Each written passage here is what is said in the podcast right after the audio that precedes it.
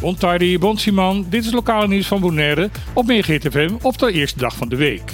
Ik ben Martijn Hischemuller en dit zijn de onderwerpen van vandaag. Hoe krijg je de aandacht van de Nederlandse media over de misstanden in de BES en de nalatige houding van de Nederlandse regering om daar voortvarend iets aan te gaan doen? Die vraag houdt een hoop mensen bezig na de grote protestactie die op 12 mei in Bonaire plaatsvond. De actie was een succes, maar de reactie van de media in Europees Nederland was hierop minimaal. Verder dan een item van 20 seconden in het NOS-journaal kwam het niet. De verantwoordelijke staatssecretaris voor het beleid in Caribisch Nederland, Alexander van Huffelen, was dan ook niet erg onder de indruk.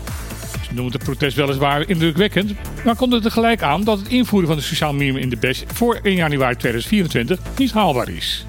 Daarbij vertelde ze niet wanneer het dan wel ingevoerd zou kunnen worden. Oud-vakbondsleider Ewad Abdul maakt zich hier erg boos over. Volgens hem moeten alle inwoners en instanties op de eilanden de komende tijd de Nederlandse vlag ondersteboven gaan hijsen. Dit in navolging van de boerenprotesten in Europa. De strijd tegen de Nederlandse staat kent ook een succes. Ivosa, het netwerk van gemeentelijke directeuren en leidinggevenden in het sociale domein, heeft zich solidair verklaard met de consumentenorganisatie Uncobon. Deze is momenteel bezig om een snelle invoering van het menswaardige sociaal minimum via de rechten af te dwingen. Het kan soms wat verwarrend zijn. Het ene moment vertelt de algemene directeur van het Financieel Mariedal, Giovanni Frans, dat door geldgebrek en bezuinigen vanuit Den Haag het ziekenhuis in Bonaire waarschijnlijk genoodzaakt is om zorg af te moeten schalen. Het volgende moment komt hij met het nieuws dat hetzelfde in Den Haag bereid is om diep in de buidel te tasten om een eigen ambulance vliegdienst op te zetten. Momenteel maakt Mariedal en de verantwoordelijke rijksdienst ZJCM voor deze dienst gebruik van het bedrijf Medicair. Naar tevredenheid lijkt het, want Frans zegt in zijn verhaal dat het bedrijf ook wordt ingeschakeld voor diensten voor andere ziekenhuizen in de regio. Toch wil volgens Frans de Nederlandse overheid dat er binnenkort gebruik gemaakt gaat worden van vliegtuigen die in Nederland geregistreerd staan. In een gesprek met Bonaire.nu geeft René Winkel aan daar niks van te snappen. Hij is zowel directeur van Mediair als van de vliegmaatschappij Easy Air. Hij ontkent met klem dat in Nederland geregistreerde vliegtuigen beter en veiliger zouden zijn dan vliegtuigen met een Curaçaose registratie. Deze registratie wordt volgens hem overal erkend en toezicht van dichtbij is volgens hem altijd beter dan een toezichtinstantie die vanuit Europa moet opereren. Winkel zegt deze ontwikkeling erg raar te vinden en vindt het vooral zuur voor het personeel Medicare dat altijd dag en nacht klaar staat om de noodzakelijke spoedeisende hulp te bieden.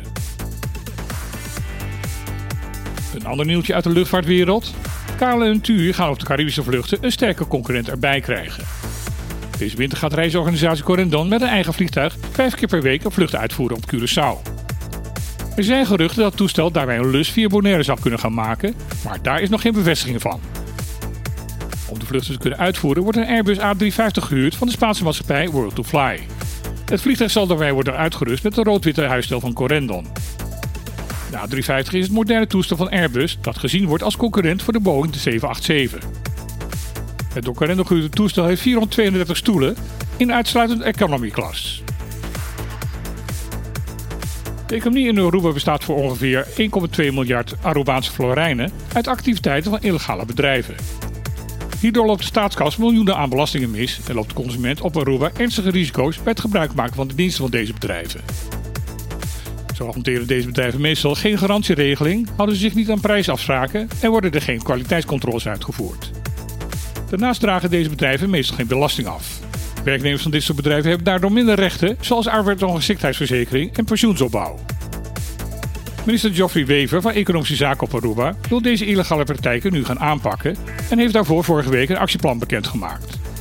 Ook is een commissie ingesteld die de plannen moet gaan uitvoeren. De minister hoopt zo snel mogelijk dit soort illegaliteit te kunnen indammen. Dit was weer het lokaal nieuws van vandaag op Megahit FM. Ik wens iedereen een mooie en niet al te warme dag toe. En dan graag weer. Tot morgen.